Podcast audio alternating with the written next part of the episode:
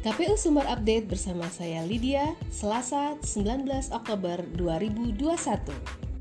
Sobat pemilih, hari ini KPU Provinsi Sumatera Barat melaksanakan rapat pleno rutin yang merupakan agenda yang dilaksanakan setiap hari Selasa di setiap minggunya.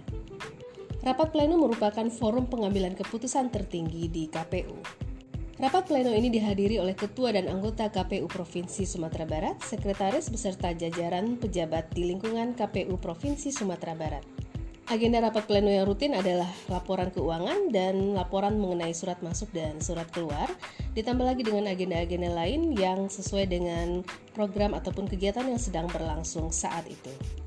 Selain itu, Sobat Pemilih, hari ini KPU Provinsi Sumatera Barat juga melaksanakan rapat tim arsip untuk pendokumentasian dokumen-dokumen yang berkaitan dengan pemilihan tahun 2020.